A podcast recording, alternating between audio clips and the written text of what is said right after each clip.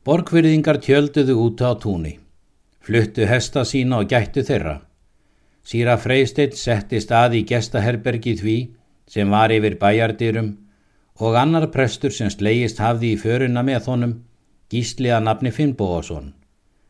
Hann hafði ekki með neinu móti vilja taka hinn nýja sið en lagt nýður ennbætti sitt í skálholtstifti og lifði síðan á lausum kíli, ímist í borgarfyrði eða húnavassíslu. Hann hafði slegist í förbiskups í miðfyrðinum en hjælt sér nú að síra freysteini því að þeir voru gamal kunnýr og skóla bræður. Gísli var heljarmenni til burða og mikill á lofti en sveinar biskups fóru flestir inn um allan bæ, búr og eldhús, eldu griðkonur og gömbruðu við þær og heimtuðu hvað sem þeim síndist. Þeir voru bæði kátir og fjörugir en síndu eigi rostan í yfirgang annan en þann að heimta það sem þeir þóttust með þurfa og það flestir með gambri og gamni. Þeir sló upp á gaman við stúlkurnar, smjöðruðu fyrir þeim og strítu þeim á vikst og töluðu þær svo upp að það fór fljótt af þeim öll feimnu og hræðsla og jafnvel þær sem yngri voru fóru að taka vel glensi þeirra á gáska. Sumir sáti í búri og eldhúsi og áttu þar mat þann er þeir náðu en aðri ruttust upp á loft eða inn í vinnumannaskálan og letu færa sér mat sinn þangað. Síðan tóku þeir rúmin og lögðust þar fyrir eins og þeir ættu þar heima og voru þá ekki allir einsamlir. Það var komin háttatími og kyrða færast yfir. Tveir menna borgfyrðingum átt að halda vörðum nóttina, skildu þeir vaka til miðra nætur og síðan vekja aðra til þess að vera á verði síðar í hluta næturinnar. Ingjaldur hjælt sér að mestu utan við yfirgang félaga sína. Það vísu voru margir þeirra stiltir menn og gætnir, en það var eins og vandir að þegar margir eru saman og sleppa fram að sér beislinu þá dragast þeir stiltari með inn í það að taka þátt í gáska þeirra sem verð láta. Íngjaldur reynda að stilla þá eftir megni en það vildi hafa lítinn árangur. Svo dró hann sig út úr hópnum. Hann var í þungu skapi án þess hann vissi verulega hvers vegna. Það kvíldi einhver þungi á honum. Hann var allur með hugan heima á hofstöðum Margrét sveif alltaf fyrir hugskott sjónum hans. Það var eins og honum fyndist hann myndi aldrei sjá hann aftur. Og það jó mikið á þránu eftir að koma sem fyrst heim til hennar aftur. Hann stóð einn í bæjardýrunum þegar hann hafi matast og margar sjónir frá fyrri tímum runnu fyrir hugskjótt sjónir hans. Ofsi og ófyrirleitni helga bróður hans, ákafi hans og ofstæki, með að ná Margreta á sitt vald, þó að nauðug væri, með íllu ef ekki með góðu. Atbörður sá þegar þau hittust öll inn í húsinu. Harmur og óhugur Margretar og þessi óstjórnlegi kvíði hennar fyrir því sem koma myndi og í vændum væri. Hann sá hana engjast í óviðráðanlegri hugraun frammi fyrir Maríu myndinni og auðsa úr öllum þjáningum sálarsinnar í brennandi bænar orðum og hann tók hendi sinn um verndargrip ástar hennar Guðs lampið sem var helgað af tvennu, ástlíu brjósti Margreðar og helgandi hendi hinnar heilugu megar. Og þá fann hann leggja um sig einhvert styrk, einhvert lífstrótt sem hann bjóst við að gæfi sér kraft til að sigra. En sigra hvað? Það var honum ekki ljóst en hann fann það eitt að Margret var það sem fyrir var barist og hún og annað ekki voru sigur launin sem hann þráði.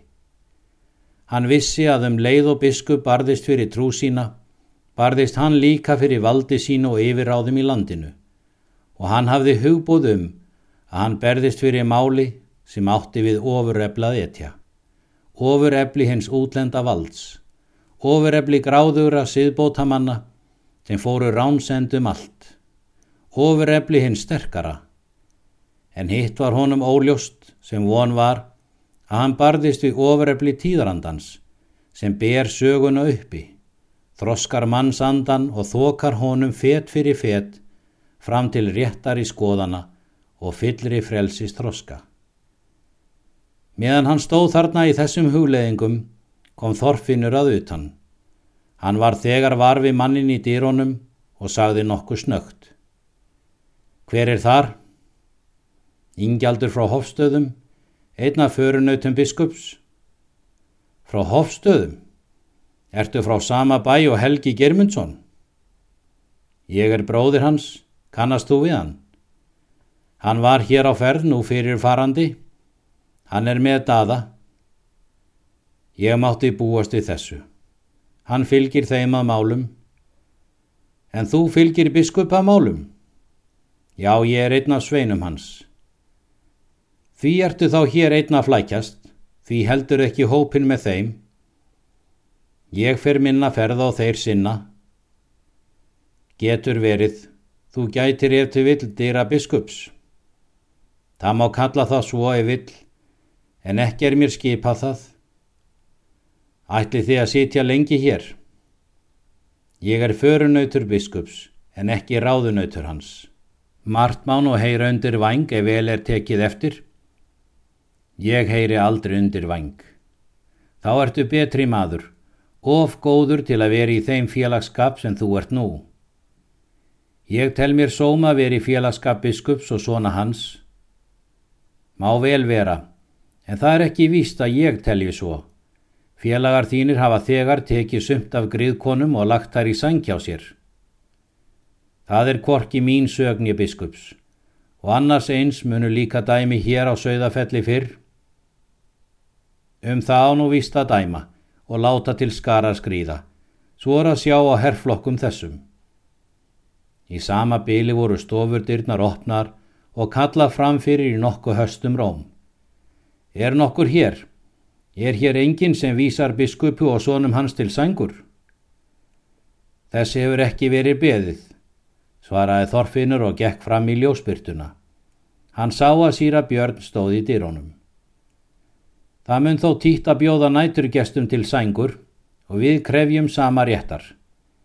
Hvar er nú stofan góða þeirra dað og yngveldar? Hanna viljum við fá.